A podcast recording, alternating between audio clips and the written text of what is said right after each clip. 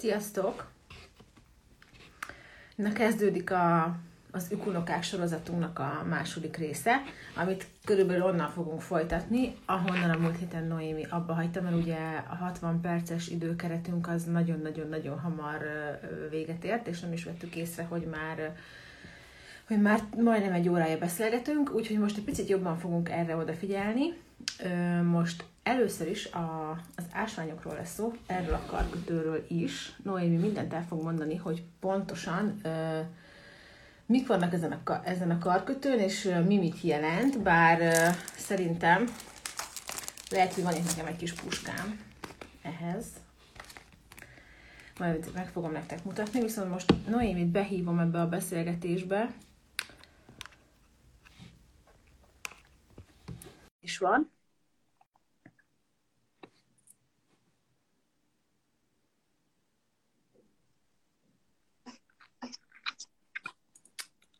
Igen, Makra Noémi csatlakozott. Hát üdvözöllek, szívem! Mizu. Hello, Bello, sziasztok, sziasztok. Itt már az előbb láttam, hogy nagyon mutogattad a karkötőt. Igen, igen, igen, igen. Mert ugye az, az most a tematika, hogy onnan folytatjuk, ahonnan abba hagytuk a múlt héten.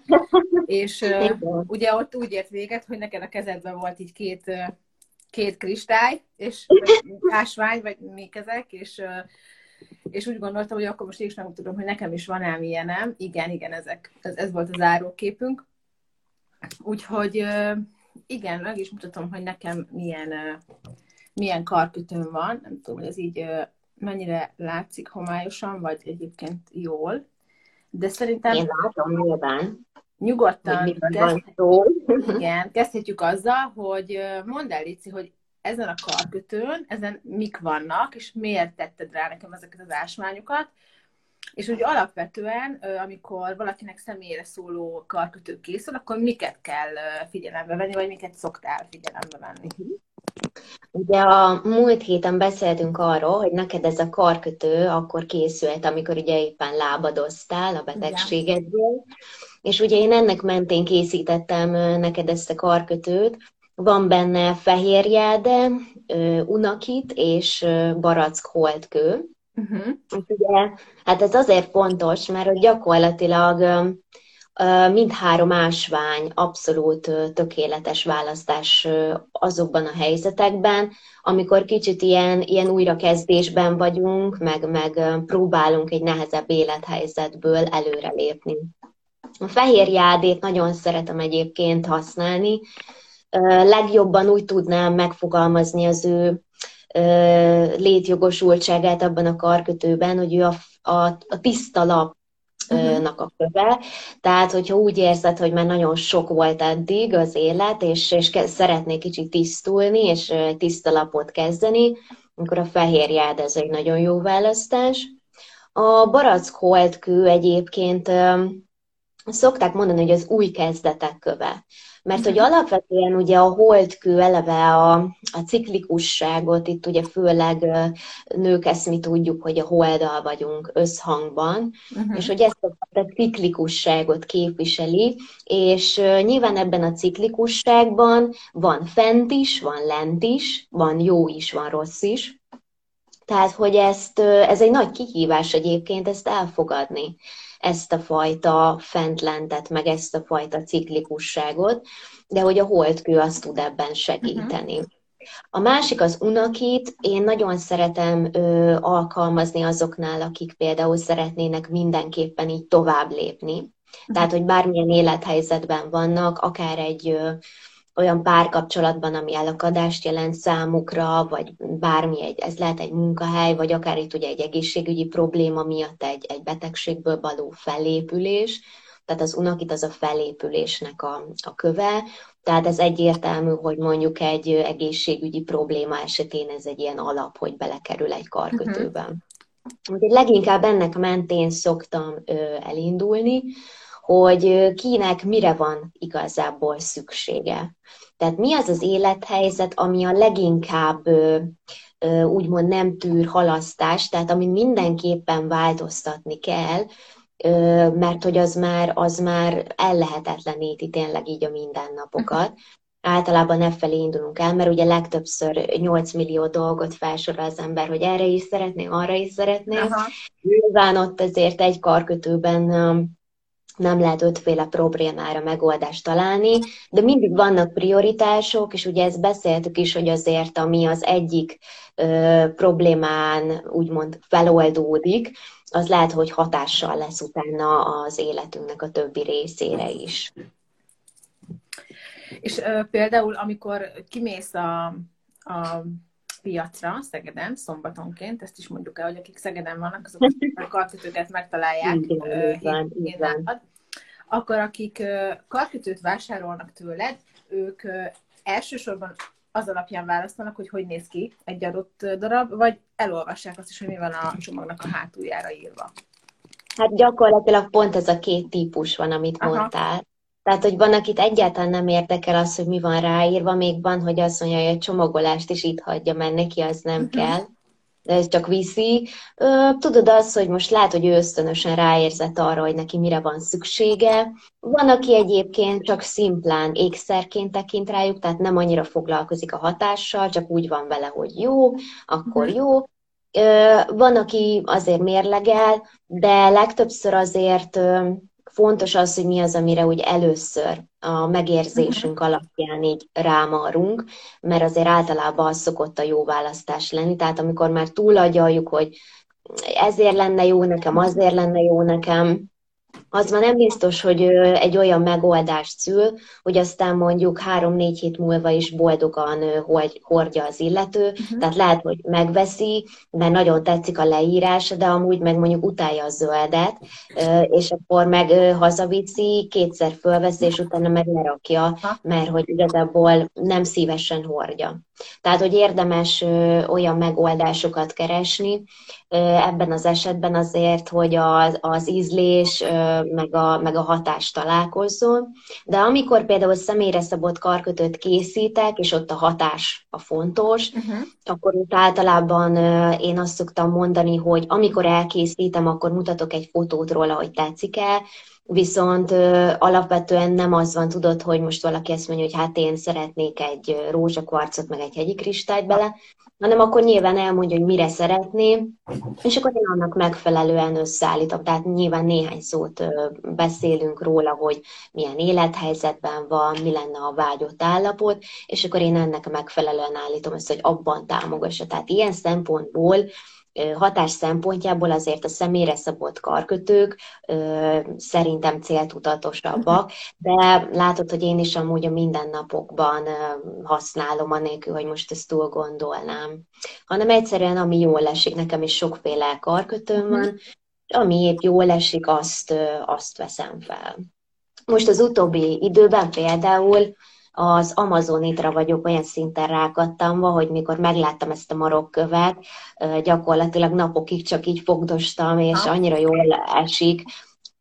Egyébként az Amazonit az egy védelmező kő. Gondoljunk itt arra, hogy minden ilyen negatív energiát, akár az elektroszmogot, vagy az ilyen tudod, ilyen vízerekből származó különböző negatív energiákat is meg tudja szűrni, és annyira, annyira szeretem, hogy igazából az egyik karkötő is rajta, ez, ez amazonitból van, és labradorittal van még kiegészítve, ami szintén ilyen nagyon erős uh-huh. védő, meg ilyen nagyon erős spiri energiákat mozgató Uh-huh.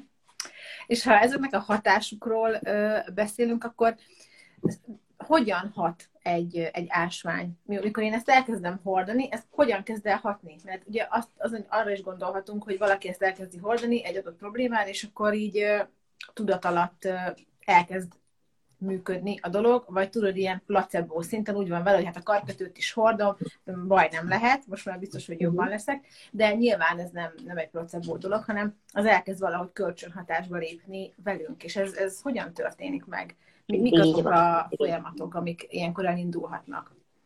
Hát úgy van, hogy minden ásványnak megvan ugye a keletkezése. Tehát képzeljük azt el, hogy itt nem arról van szó, hogy, hogy ez csak úgy ott van, hanem azért a keletkezésük során eleve magukba zárnak egyfajta rezgéseket.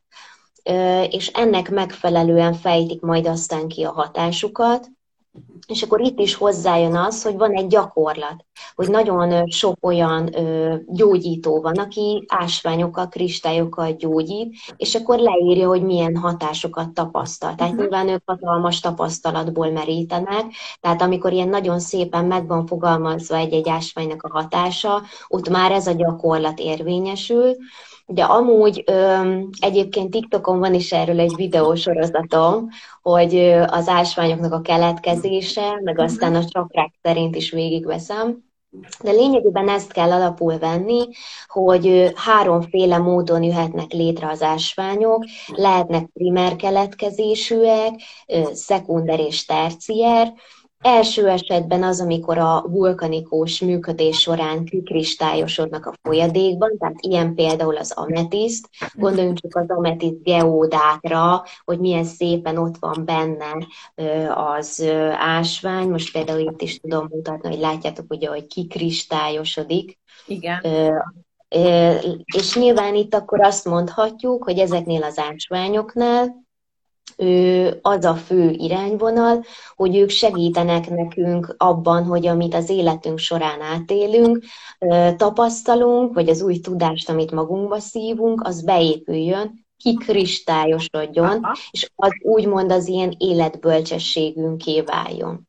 De akkor ott vannak például a, az üledékes ö, ásványok, na hát ott például képzeljük el azt, hogy mondjuk ott a tenger fenekén ö, mossa a víz, tehát, hogy mennyire hosszadalmas ez a folyamat, amit uh-huh. például oda tényleg úgy le tud az rakódni, hogy az utána onnan egy kőzet formájában kézzel fogható lesz.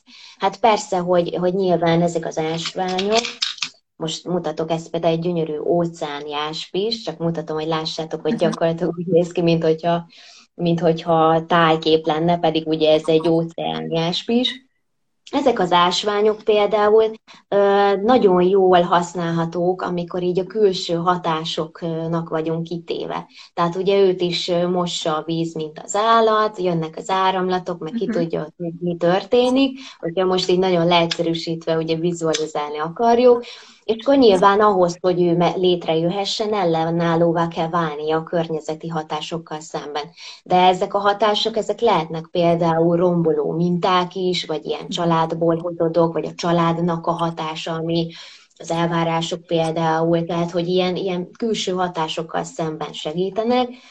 És akkor ott van a terciér típusúak, hát ezek például a különböző kőzeteknek így az átalakulása, során képződnek, vagy, vagy tudjátok, amikor a, a kőzetek csúsznak egymáson uh-huh. és alakulnak, vagy amikor ugye a hegy fölgyűrődik, hát ott micsoda, micsoda energiák mozognak. Igen. Ö, tehát gyakorlatilag ott ö, van, hogy teljesen megsemmisül egy kőzet, aztán meg újra valahogy összeáll, tehát, hogy ott például az ilyen jellegű kőzetek, ásványok, ők az ilyen nagy próbatételek idején támogatnak uh-huh. minket, Egyébként ugye a jáde is ilyen, és például a jáde az egyik legjobb öngyógyító kő, tehát hogyha valaki betegeskedik, akkor például jádét adunk neki, ugye a te karkötődön is ott Igen. van a fehér jáde. Igen. Úgyhogy nagyjából ezek a fő irányvonalak, és akkor Nyilván itt minden egyes ásványnál még valamilyen specifikus tulajdonság belép, és akkor nyilván ezekkel lehet jól ügyeskedni, amikor valakinél egy ilyen személyre szabott karkötőt mhm. készítünk. És neked vannak erre egyébként visszajelzéseid, hogy valaki vásárol tőled, vagy kér egy személyre szabottat, és akkor utána eltelik egy hónap, két hónap, találkoztok, vagy felhív, vagy rádír, hogy hú, most kezdi el érezni ennek a hatását? Hát képzeld, hogy pont most az utóbbi időben két ilyen nagyon-nagyon pozitív visszajelzés jött. Az egyik egy párkapcsolati, gyakorlatilag néhány héttel azután, hogy felvette a hölgy a karkötőt, rátalálta a szerelem, és igazából ez már egy régebbi sztori, uh-huh. de hogy azóta is együtt vannak, és hogy azzal talált meg engem, azzal a visszajelzéssel, hogy ez már mondjuk hónapokkal ezelőtt volt, de hogy működik, mert hogy, hogy igazából ez tényleg betalált ez a, ez a pasi, Aha. és hogy milyen jó volt ez a karkötő, amit készítettem neki és A másik az meg, az meg, az meg egészen bámulatos, hogy tényleg egy babaváró karkötőt készítettem, és ott is így az újra való felkészülésre, tehát nem, nem feltétlen arra, hogy itt most a termékenység vagy hasonlók, hanem eleve az, hogy valaki mondjuk lehet, hogy csak annyi félelem van benne, hogy most akkor teljesen megváltozik az élete. Ebben az esetben például erre vittem el, és, és hát nagyon jól működik, mert most kaptam visszajelzést, hogy úton van a, úton van a baba, úgyhogy ez, na, ez, ez, idáig, ez idáig az abszolút kedvencem, hogy ez így működött. Úgyhogy ennek, ennek nagyon-nagyon örülök. De így apró visszajelzések igen egyébként szoktak jönni, hogy már amikor felveszi, nagyon jól érzi magát utána. Uh-huh. A legjobb az, amikor nem érzünk úgy nagyon semmit, csak az, hogy olyan tényleg olyan jó leső érzés hordani. Úgy uh-huh. belesimul, belesimul a kezünkbe, tehát nem, nem semmilyen diszkomfortot nem okoz például. Nagyon jó, hogy ezt mondod, mert például nekem is mindenki azt mondja erre a karkötőmre, akárki látja, hogy ez annyira én vagyok, meg annyira ilyen természetes, hogy rajtam van. Nyilván ez ugye a, a színeiből is adódik, egyértelmű, nagyon, ezek nagyon az én színeim, tehát hogy lehet, hogy pont véletlenül, vagy éppen ez, nem tudom, tehát ennek így, így kellett lennie. De nagyon egy olyan, olyan dolog, amit ilyen észrevétlenül én is minden nap fölveszek magamra. És hogyha nincs rajtam, akkor tudod, így, így nézem, hogy hú, most nincs, hol vettem le, miért nincs rajtam, és volt már is visszafordultam, ha elindultam, hogy legyen rajtam, mert hogy... Ilyen velem is volt már, ilyen velem is volt már, tehát én is karkötő nélkül sehova, úgyhogy uh-huh. igen, megértem. Így van. Egyébként az az érdekes, hogy ugye én ezért nagyon szeretem, mert hogy nincs két egyforma ásvány. Tehát például, hogy neked is össze tudtam úgy válogatni, hogy az unakitból is inkább a zöldesebbek menjenek, Aha. mert lehettek volna a rózsaszínesebbek is, de én úgy éreztem, hogy neked inkább a zöldesebb uh-huh. fog mhm. jobban passzolni. Érted? Tehát, hogy akár árnyalatni különbségek is lehetnek, vagy tényleg az, hogy mondjuk itt az üledékes ásványoknál, hogy mennyire egy olyan rétegből van az ásvány, ami mondjuk egy ilyen nagyon rétegezett, az is akkor egy különleges dolog. De lehet, hogy most nem egy, pont nem egy olyan nagyon rétegezett részből van a kis uh-huh. golyó, és akkor meg nem lesz annyira sávos, tehát hogy annyira egyedi, és tényleg, hogyha valaki azt mondaná, hogy két teljesen egyformát készítsek, akkor nagyon nagy bajban lennék, mert nem tudnék. Aha. Igen, ezt amúgy akartam is kérdezni, hogy van-e olyan, hogy, hogy két teljesen egyforma sikerül, vagy, vagy valaki azt mondja, hogy hú, az enyém nagyon tetszik a barátnőnek, és akkor egy pont ilyet. Akkor azt mondod, hogy erre hát hasonló lehet. De de nyilván egyébként lehet, hogy ő ha ránéz, azt látja, hogy ugyanaz, mert van benne kék, meg rózsaszín, meg fehér Aha. mondjuk, Nyilván én, ha ránézek, látom, hogy nem ugyanaz, és, és ez nagyon érdekes tényleg, hogy, hogy ha, ha nagyon figyelek, akkor sem tudok tényleg ugyanolyan kis golyókat összeválogatni. Úgyhogy tényleg, ha, ha két egyforma összetételű karkötő van egymás mellett, az sem lesz egyforma, és úgy valahogy látod, hogy mintha az kicsit másabb lenne. Tudod, beszéltük azt, hogy ugye a karkötők mellett van még egy, egy másik ilyen kis mankó, vagy nem is tudom, minek nevezzem, amire így lehet támaszkodni, amikor valaki elindul egy ilyen hát önismereti úton, vagy gyógyulásnak az útjait, főleg inkább szerintem ez a gyógyulásra vonatkozik. Ezek a, a, az eszenciák, amiket, amiket használsz, és valahogy látod, tök érdekes, mert nem csak rajtad keresztül találnak meg engem ezek a dolgok, hanem most így egy teljesen más oldalon, és ezt meg is akarom most mutatni, hogy van egy, egy debreceni ékszertervező nagyon kedves barátnőm, a Faludi Gabi, aki alapvetően üveg ékszereket készít, és akik régóta ismerek, azok is tudják is, hogy mindig van rajtam valami. A múlt adásunkban is volt rajtam egy nagy fehér üveggyűrű, az is Faludi Gabi volt, most véletlenül pont nincs rajtam egy se. És ő ezeket a ezek az, ez az új kollekciója, ami ez a, hát nem tudom, milyenek a... Ez a lávakő. Igen, lávakő. És ugye ezt úgy használja, hogy ezekre csöpögteti rá a doterra eszenciákat, és akkor így gyakorlatilag a bőrrel érintkezve hatnak a nap 24 órájában a viselőjére. Na de uh-huh. hogy hatnak ezek az eszenciák? Azt szeretném, hogyha te mondanád el, mert igaz, hogy kaptam ma erről egy ilyen intenzív egyórás műsor, de nem fogom tudni visszamondani. Hát igen, az eszenciák azok szintén, ahogy mondod, ez is egy nagyon jó mankó így a mindennapokban. Tehát, hogyha valaki nagyon tudatos akar lenni, akkor az ásványok mellett az eszenciákkal is tudja támogatni úgymond a fejlődését, vagy csak szimplán a tudatosságát.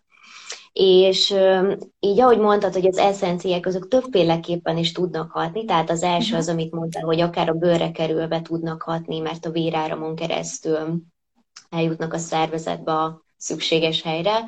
Viszont ott van az, hogy az eszenciáknak van egy aromatikus felhasználási lehetősége is, ami uh-huh. ugye arról szól, hogy magát az, az illatot, az aromát beszippantjuk, és ugye a szaglóhámon keresztül pillanatok alatt eljut az agynak olyan területeire, amin keresztül úgymond az érzelmeinket tudjuk, a hangulatunkat uh-huh. tudjuk befolyásolni.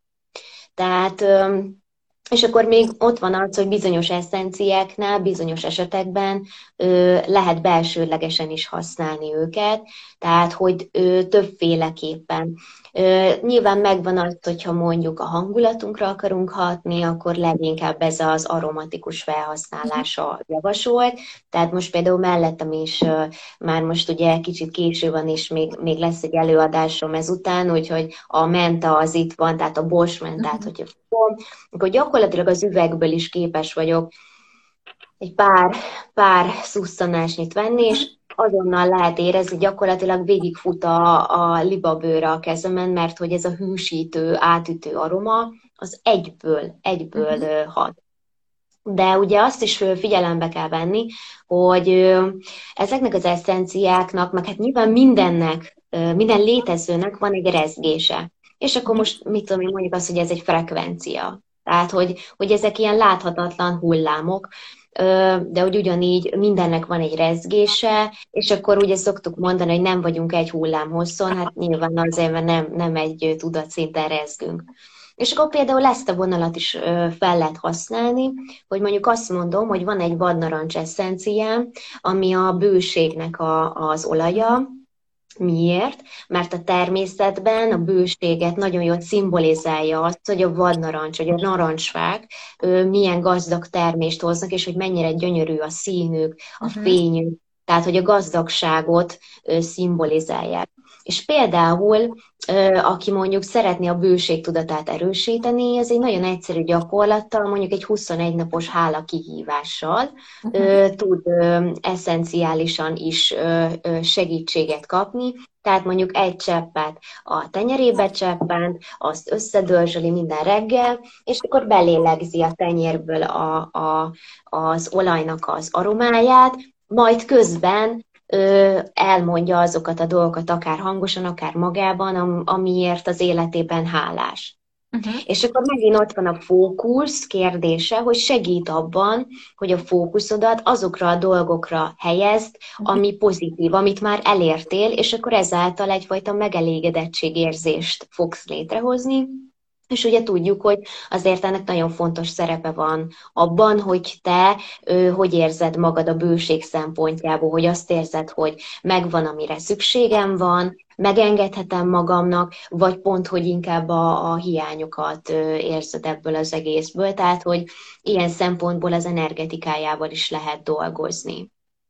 Uh-huh. És amikor van nálad egy kineziológiai oldás, akkor ugye ez saját tapasztalatból tudom mondani, akkor van olyan, hogy azt mondod, hogy hú, hát ez most így tök jó volt, de nagyon jó lenne, ha ezt meg ezt a féle eszenciát egy kicsit használnád.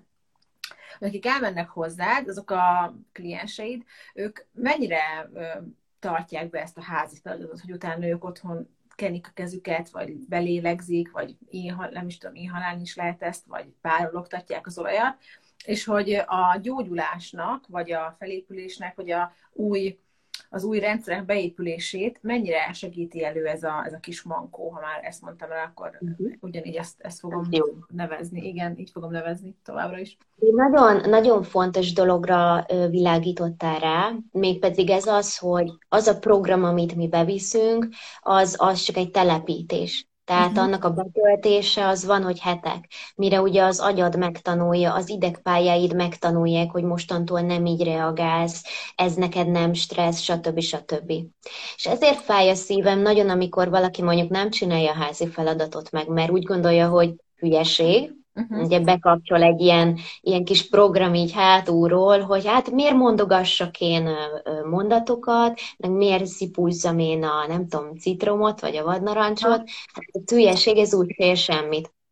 És ilyenkor nagyon fáj a szívem, mert gyakorlatilag ezt a betöltődést ezt így el, el, elengedi ezáltal, és akkor ilyenkor azt kell nézni, hogy a hatása annak, amit mi itt az oldásban csinálunk, az gyakorlatilag a következő komolyabb stressz ingerig tart, és onnastól kezdve megint ennyi volt, kezdhetjük előről.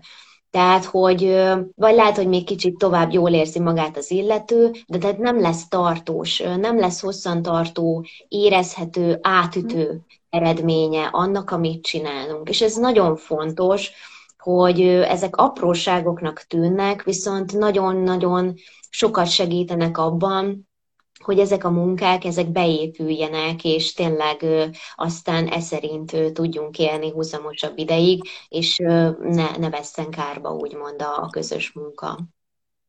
Egyébként volt már olyan, hogy valaki oda ment egy problémával, és akkor utána eltelt egy hónap, és megint ugyanazzal a problémával oda ment, hogy hát jó volt, jó volt ideig, óráig, de most meg, megint ugyanaz a bajom.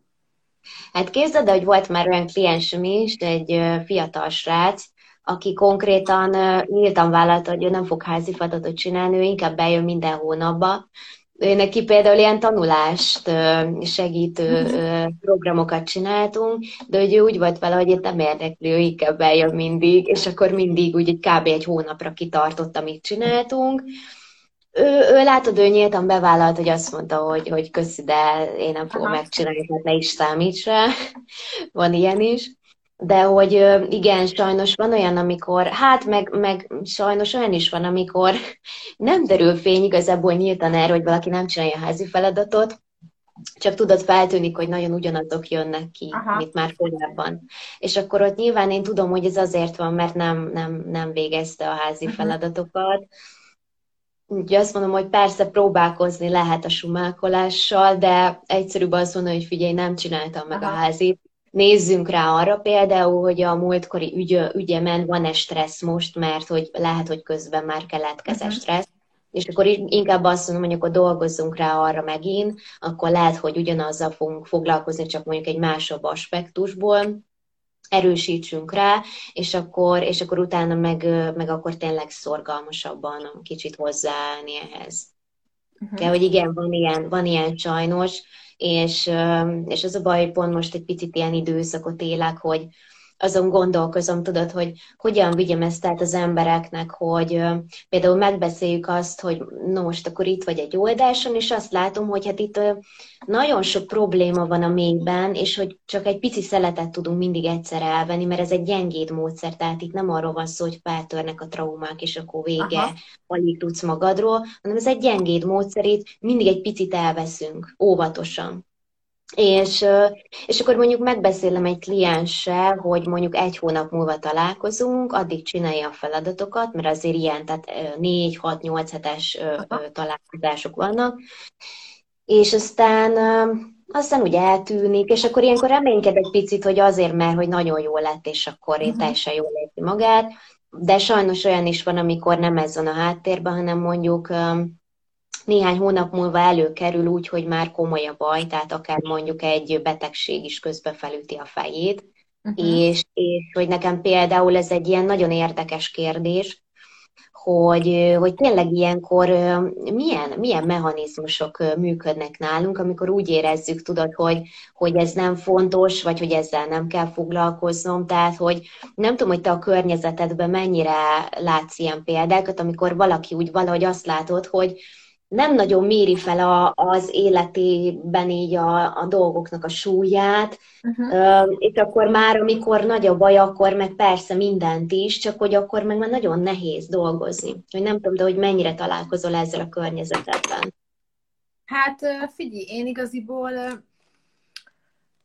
én igazából már akkor találkozok problémás emberekkel, vagy problémákkal, amikor már tényleg nagy probléma van. Amikor tegyük fel egy-egy munkatárs, vagy, vagy ismerős, vagy, vagy valakivel elkezdett beszélgetni csak valami teljesen átlagos dologról, és akkor utána oda lyukadunk ki, hogy hát igen, képzeld el, ilyen meg ilyen műtétem volt, vagy olyan meg olyan problémám van, nem tudom, nem tudok aludni, ez a nem tudok aludni, ez egy ilyen nagyon-nagyon gyakori dolog, hogy vagy nem alszik el valaki, vagy éjszakánként nagyon sokat fel kell, vagy nem tudom, ez a gyomor probléma, amit ugye már emlegettünk a múltkor is, hogy oda kell mennem valahova, egyből érzem, hogy szorul a gyomrom, a torkom, ezek, ezek olyan dolgok, amiket így velem is megosztanak, tehát ismerősök, tehát ez nem egy olyan probléma, amit tudod így cikinek érzel, vagy nem mondasz el valakinek, hanem így simán kommunikálsz róla.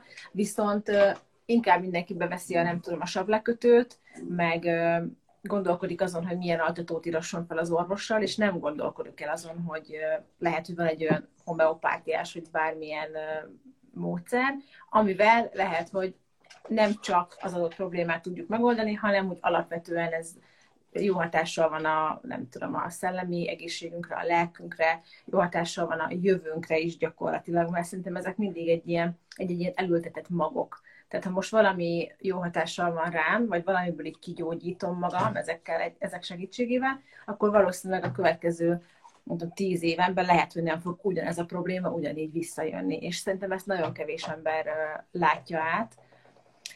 Nem tudom, hogy ez, ez beállítottság kérdése, vagy tudatosság kérdése, bár én egyébként azt látom, hogy most már ez a tudatosság, vagy ez a tudatos életforma, hogy mindenki mindent nagyon tudatosan akar csinálni, ez egy ilyen tök trendi dolog, hogy tudod, tudatos bőrápolástól kezdve a, a gardób rendezésen keresztül minden annyira tudatos, viszont ezek az ilyen tényleg eszenciális dolgok, hogy maradjak ennél a szónál, ezek annyira nem ivódnak be a hétköznapokba, amennyire egyébként lehet, hogy szükség volna rá.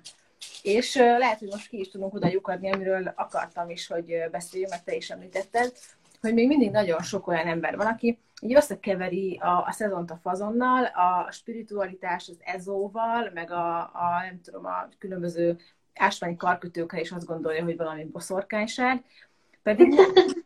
Úgyhogy igazából, ha neked megvan a válaszod arra, hogy, hogy hogyan lehet így elválasztani egymástól a, spiritualitást, az ezotériát, meg a kineziológiát, akkor hallgatunk.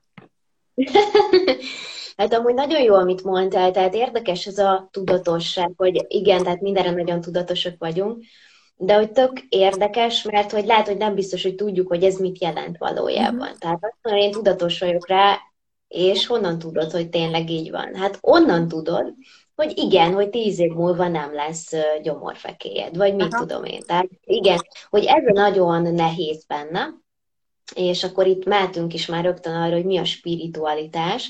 Tehát, hogy ugye itt a, ezeket a dolgokat azért ezotériázzák le nagyon sokan, mert nem tudják, hogy ez mit jelent. Nem tudják, és egyszerűbb rávágni valamit, mint hogy szembesülni azzal, hogy lehet, hogy egyébként nekem melóm lenne ezen a területen. Tehát én valahol egy picit ezt a hárítást is érzem benne, hogy egyszerűbb rámondani valamit, tudod, uh-huh. mint hogy valójában nyissak és megismerjek új dolgokat. De hogy, hogy a, a spiritualitás az nem is, lehet, nem is lehet nagyon egy ilyen fogalmat tudod így ráhúzni, hanem inkább mindenkinek jelent valamit, de hogy valamilyen szinten egyfajta ilyen életbölcsességet érdemes alatta érteni. Mert hogy én azt látom, meg nagyon sokat olvasok erről, és nagyon érdekel ez a téma, hogy így az életnek vannak ilyen alapvető törvényszerűségei. Érted? És az ha akarod, hanem az úgy van és hogy ezt elfogadhatod, és akkor tök jó életed lesz, mert együtt tudsz ezzel menni, és meg tudod azt állapítani, hogy mondjuk mi az az életedben, amit ténylegesen irányítani tudsz, ami a te felelősséged tényleg, és csak rajtad múlik, és menjél és csináld, meg hogy mi az, amire nincsen ráhatásod, és erőlködhetsz jobbra-balra, de akkor az olyan lesz, mint széllel szembe pisülni. Aha. Érted?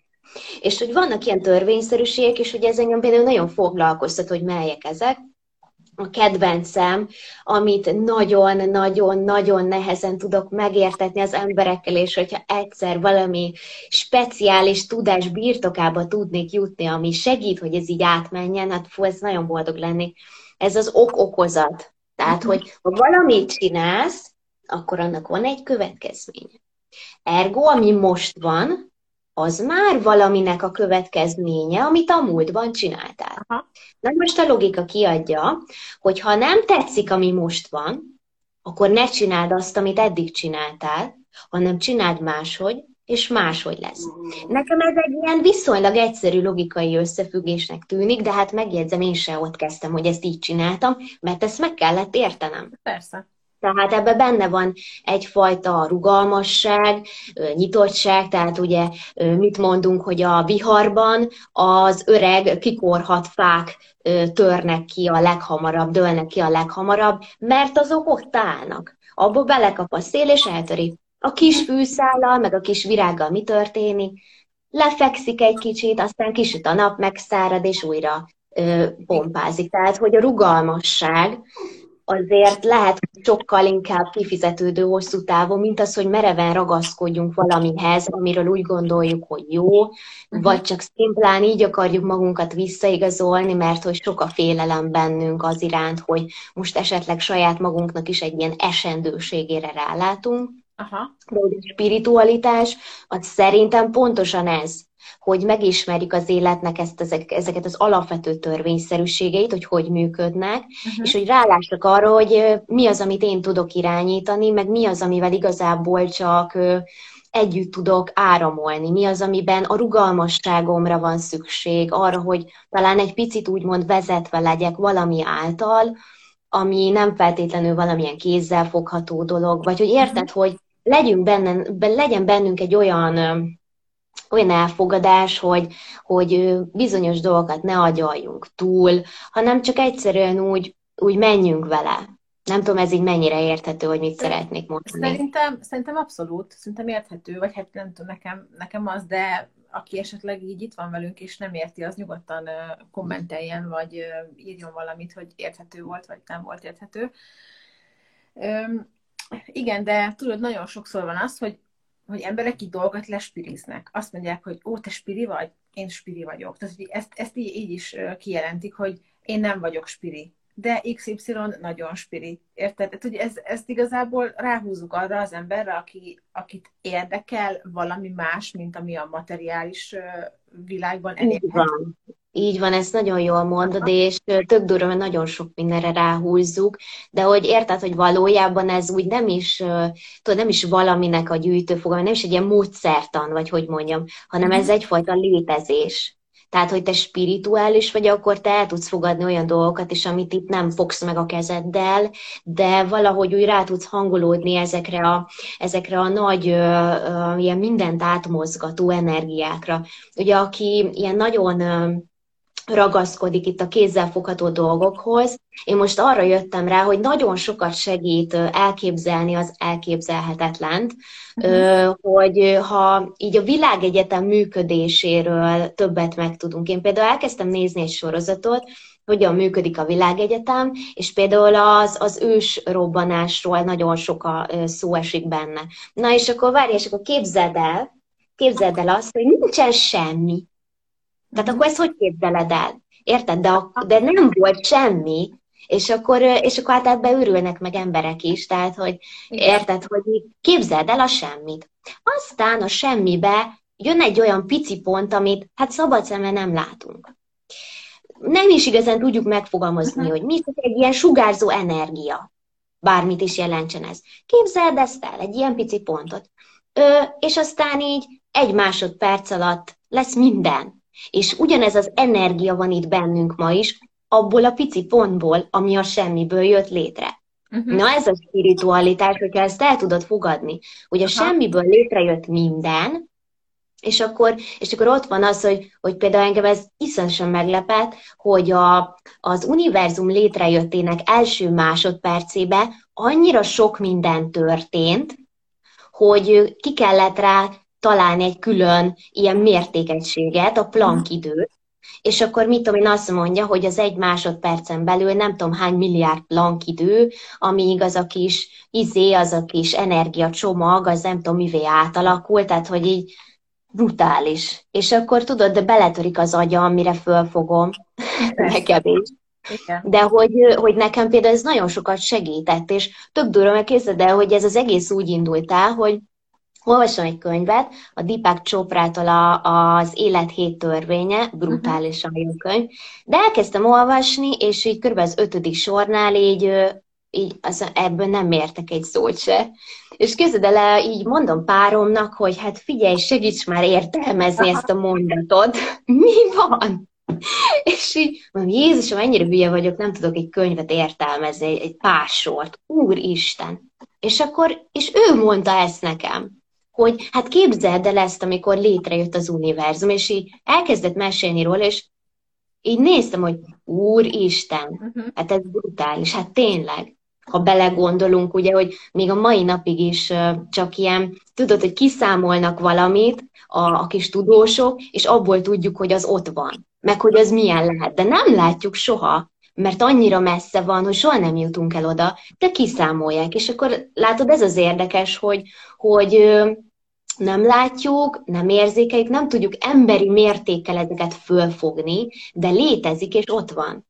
Uh-huh. És hogy ez, ez egy nagyon nagy segítség, hogyha ehhez így tudsz rugalmasan alkalmazkodni, vagy hogy mondjam, ezt így be tudod fogadni, akkor már is ott van, hogy akkor ezeket a spirip dolgokat is uh-huh. jobban el tudod fogadni, vagy jobban tudsz velük azonosulni. És ugye ez nem az ezotéria, mert az teljesen más, ott ugye asztrológiáról, ilyen más dimenziókról beszélünk, tehát hogy azért ez egy külön műfaj, és igazából van némelyik, amelyik teljesen elrugaszkodott ugye ezektől a dolgoktól, amiket mondok, és ebben, ebben nagyon sok tudomány van. Uh-huh. És egyébként, mivel már most megint csak kicsivel több mint 15 percünk van, mindjárt itt van a fél kilenc, ezért arra akarom, hogy válaszolj, hogy amikor te dolgozol, vagy mennek, mennek hozzád a klienseid egy-egy kineziológiai oldásra, vagy csak egy tanácsadásra, vagy bármire, ott mennyire központi téma ez, hogy valaki nyitott legyen, vagy spiri legyen, vagy, vagy mennyire hozzák fel neked ezeket a dolgokat, tudod, hogy jóslás, vagy horoszkóp, vagy angyalkártya, vagy bármi. Tehát mennyire kötik az emberek ezt össze egyébként így fejben? Mennyire teszik ezt egy kalap alá, hogy kineziológia, horoszkópok, spiri vagyok? Szerintem nagyon amúgy. Uh-huh. De például a, emlékszem, hogy a, amikor elkezdtem, akkor nagyon, de nekem ez egy stresszes dolog volt, hogy felmerjem egyáltalán hozni, tudod. Aha. Tehát, hogy merjem azt mondani valakinek, hogy figyelj, csak szerintem most tök ne csinálni egy angyalkártyát, mert úgy érzem, hogy ez segítene neked, uh-huh. meg hozna olyan üzenetet, ami tök mindegy, hogy honnan jön, de a lényeg, hogy fókuszt ad neked arra, hogy mire figyelj. És aztán valahogy úgy, úgy képzeld el, hogy így ezáltal, hogy ilyen értelmesen el tudom ezt viszonylag magyarázni, uh-huh. azt látom, hogy ez így befogadható. Tehát, hogy mivel azt kell nézni, hogy nyilván most vannak olyan emberek, akiknek tökre elég az, hogy azt mondod, hogy vallás, meg a teremtő, meg, meg a csillagok állása, nekik ez tök elég. Viszont vannak olyan emberek, mint például én is, akik meg akarják ezeket mélyebben érteni. Aha. És akkor próbálom e, e szerint vinni nekik is ezt, hogy, hogy próbáljanak kicsit mögé látni, meg kicsit értsék meg, hogy miről is beszélünk, ne csak azt lássák, ami a felszínen van. De, de én úgy gondolom, és egyébként ez egy nagyon kedves ismerősöm, már beszéltük is, hogy nagyon érdekes, hogy, hogy mindenkinek az életében valahogy ez máshogy érkezik meg, hogy akkor a spiritualitás. Uh-huh. De ö, én azt látom, és ö, így szerintem látod te is a környezetedben, ezt így vissza tudod igazolni, te is azt látod, hogy ahhoz, hogy igazán sikeres legyél, hogy boldogan éld az életed, meg egészséges legyél, meg egységben legyél, ahhoz minimális spiritualitás, és akkor itt most arról van szó, amit én mondok neked, ezek a mhm. törvényszerűségek, kell. Tehát ha ez nincs meg, és, és ezeket a dolgokat így nem tudod elfogadni, és nincs benned ez a fajta rugalmasság, amit ez ad, ez hoz, akkor, akkor ott nem tudunk előre haladni, én uh-huh. úgy gondolom. De ez, ez mondom, ez, ez csak az én um, véleményem, meg én ezt látom a környezetemben is, hogy, hogy ha nincs egy ilyen megérkezés, akkor ott, ott egy idő után megint jönnek az elakadások, mert a, mert a, mert a rugalmatlanság sajnos mindig visszahúz, mindig vissza, visszakanyarodik az illető ahhoz, ami, ami úgymond a biztonságos az ő tudatának, amit uh-huh. meg tud érteni. Érted? Tehát, hogy ez egyfajta egy ilyen nyitottságot, egyfajta ilyen befogadó képességet is jelent, és, és én nekem az a tapasztalatom, hogy erre nagyon nagy szükség van, mert másképp, másképp nem működik. És akkor ez, hogy, hogy tényleg mikor érkezik meg az ember ide, hogy mi kell ahhoz, hogy megérkez meg hogy kinek mennyi időre van szüksége ahhoz, hogy milyen, milyen életeseményekre. Tehát például van, akinek akkor jön ez a megérkezés, amikor gyereke születik, és az mhm. átalakítja úgymond a gondolkodását, meg már máshogy látja a világot. Van, akinek egy betegség kell hozzá, van, aki egy súlyos betegség után gyakorlatilag másról se tud beszélni, csak Istenről, érted? Ha, igen, igen, igen. Igen. Tehát te is ezt látod amúgy, hogy, hogy valamilyen külső hatás mindig kell? Mert én kicsit ezt veszem észre, hogy valami mindig kell, ami azért tol, nem? Szerintem nagyon sok olyan ember van, legalábbis akik engem körülvesznek, akik úgy elmennek a falig dolgokkal kapcsolatban. Tehát, hogy odáig, amikor már itt tényleg mindent kipróbáltunk, mindent beszettünk, mindenhova elmentünk, mindent megnézettünk, és még mindig nincs meg a problémának a megoldása, na akkor, akkor jön valami hasonló dolog. Hogy akkor mm. elkezdünk így, mondom azt csúnya szóval, kapaszkodni valamibe, ami egy alternatív megoldás. És van olyan például olyan ismerősöm, aki látókhoz jár, meg jósoltatni jár, meg pálmafa levél redőkből is, nem tudom, Aha, igen. neki az egész, egész elvon dolgokból. Igen, igen. Tehát, hogy egészen, egészen nagyon elnyúlik egy olyan, olyan területre, ami például nekem ez már lehet, hogy egy kicsit ilyen hihetetlen is, vagy nem is tudom, tehát hogy én, ehhez már valószínűleg nem, nem nyúlnék oda hozzá. Viszont olyan emberek is vannak, akik például egyébként az apám erre nagyon jó példa, mert az biztos tudod, hogy neki már most, most már öt éve lesz, hogy volt egy, egy rákos megbetegedésen megműtötték. Egyébként azt tudni kell, hogy soha nem volt beteg, nem ez a gyengélkedő típus, talán az egész családban a legegészségesebb embert gondoltuk eddig, vagy hát ugye nem tudjuk, hogy itt is mi volt pontosan a, a lelki háttere ennek a dolognak. De az a lényeg, hogy megműtötték, és utána ő tök jól volt, viszont el akarták küldeni kemóra, ott pusolta az orvos, hogy ez biztos, hogy nagyon jót tenne neki, mégis van valamennyi százalék, hogy visszajön ez a tumor, vagy áttét lesz, vagy bármi, és mondta, hogy nem, nem, nem, ő ragaszkodik hozzá, hogy nem lesz semmiféle sugárkezelés, és akkor nyilván ez megint egy, egy másik terület, de ő elkezdett csak gyógynövény kivonatokat, nem, nem adott erre eszenciákat, hanem egy más típusú gyógynövény kivonatokat használni, és gyakorlatilag szerintem most tehát így jobb, jobb erőben van, mint a műtét előtt így kb. valaha, mert ő azóta is ilyen tintúra videókat néz, és otthon is megcsinálja, meg teljesen bele van esve ebbe az egészbe, pedig, pedig ő aztán az az ember, aki úgy gondolkodik, hogy, hogy a spiritualitásnak jót megáll, hogy így Isten létezik, Jézus, és így ennyi, de hogy van egyébként egy ilyen alternatív dolog, ami lehet, hogy spiritualitásnak lehet mondani ezt is, de egy, egy alternatív gyógyászat, ő soha nem mondott volna erre szerintem igent, anélkül, ha hogy nincs, nincs semmilyen fizikai problémája. És érdekes hát, hogy utána, miután ezen, ezen így keresztül ment, nyilván ez lelkileg is teljesen megterhelte, és utána volt egy időszak, amikor máshogy is kommunikált, meg máshogy, máshogy kezdett így kapcsolódni a családtagjaihoz a gyerekeihez is, meg szerintem igazából az anyámhoz is. Szóval ez egy érdekes dolog, főleg azt, hogy itt így felnőtt fejjel a felnőtt szüleidnek a traumáit hogyan, hogyan nézed, vagy hogyan tapasztalod, vagy dolgozott te fel. Ez is egy jó téma lehet egyébként a következő hetekben. Persze, persze. Tehát az, hogy, hogy egyébként nagyon érdekes ez is, hogy látod, hogy ő egyébként lát, hogy magában közben nagyon sok mindent feldolgozott, uh-huh. de hogy kívülről te csak ezt láttad, hogy hát, hogy ízé elkezd tinktúrázni. Igen, igen, igen, igen. tehát, hogy furi, elkezd máshogy beszélni, de hogy közben meg ő lát, hogy egyébként belülről átélt egyfajta ilyen megvilágosodást, meg lát, hogy nagyon sok gondolata volt erről, csak kívülről ennyit láttál szinte biztos vagyok benne, hogy így volt. Aha, hát igen. Ugye az, hogy azóta is egészséges tudott maradni, azért az nem csak a gyógynövényeknek köszönhető, hanem a, annak is, hogy itt valami történt mhm. fejbe.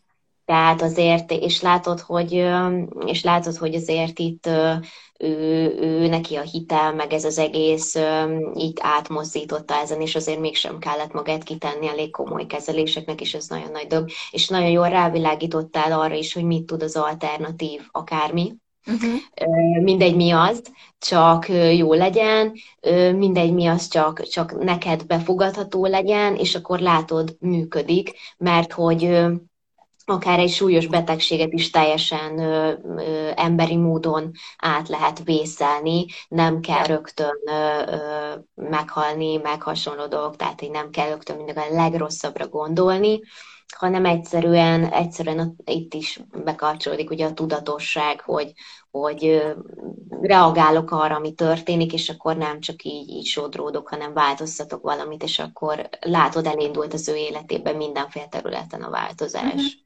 Igen, igen, igen, abszolút.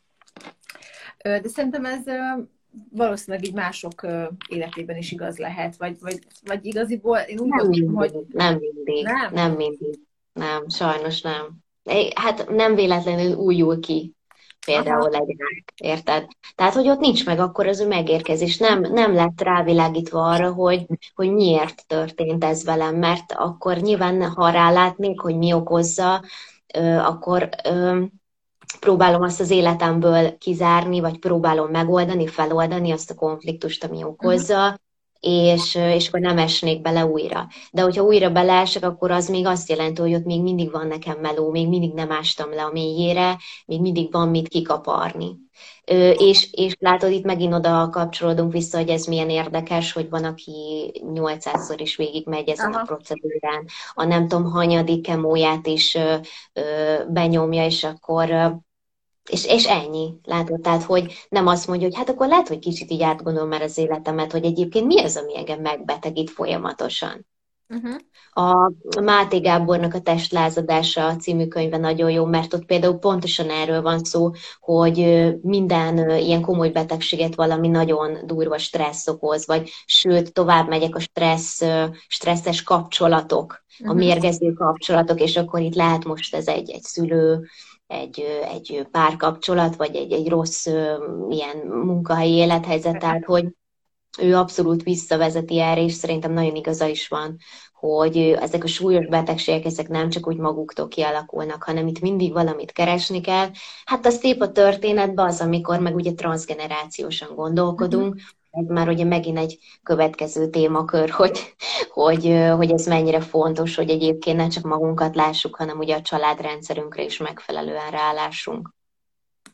Hát tök jó, hogy ezt mondod, mert ma, akivel a, az olajakról beszélgettem, ő is ugyanazt mondta, hogy lehet, hogy hogy vannak elakadások az életünkben, és lehet, hogy nem a mi életünkben történt az elakadás, hanem az, nem tudom, ők, ők, ők vagy, vagy még, még messzebb, valahol egy nagymama kirakott egy stopptáblát, és azt azóta senki nem tette arrébb, és az is lehet, mondta az a csaj, hogy ő a saját életében tapasztalta azt, hogy az olajokon keresztül történt benne egy olyan egy ilyen lelki feloldódás, vagy egy problémának így sikerült megoldást találni, mondta, hogy tí, több tíz éve kopogtat egy ajtón, úgy érzi, és nem tudott rajta bemenni, aztán ahogy így találkozott ezek az eszenciákkal, vagy ezek a, ezek a kapuk tök gyorsan megnyíltak neki, vagy sokkal hamarabb megtalálta magában a válaszokat azokra a kérdésekre, amikre nagyon régóta nem találta meg sehol. Úgyhogy... Persze, ez, ez nagyon szuper, tehát, hogy azért itt ez az, amikor azt mondom, hogy látod az energetikája, a rezgése, áthangol, áthangol. Én egyébként megmondom őszintén, hogy nagyon, nagyon szemezek a családállító képzéssel is, úgyhogy aztán lehet, hogy majd jövő ilyenkor egy másmilyen beszélgetésbe mhm. leszünk már itt.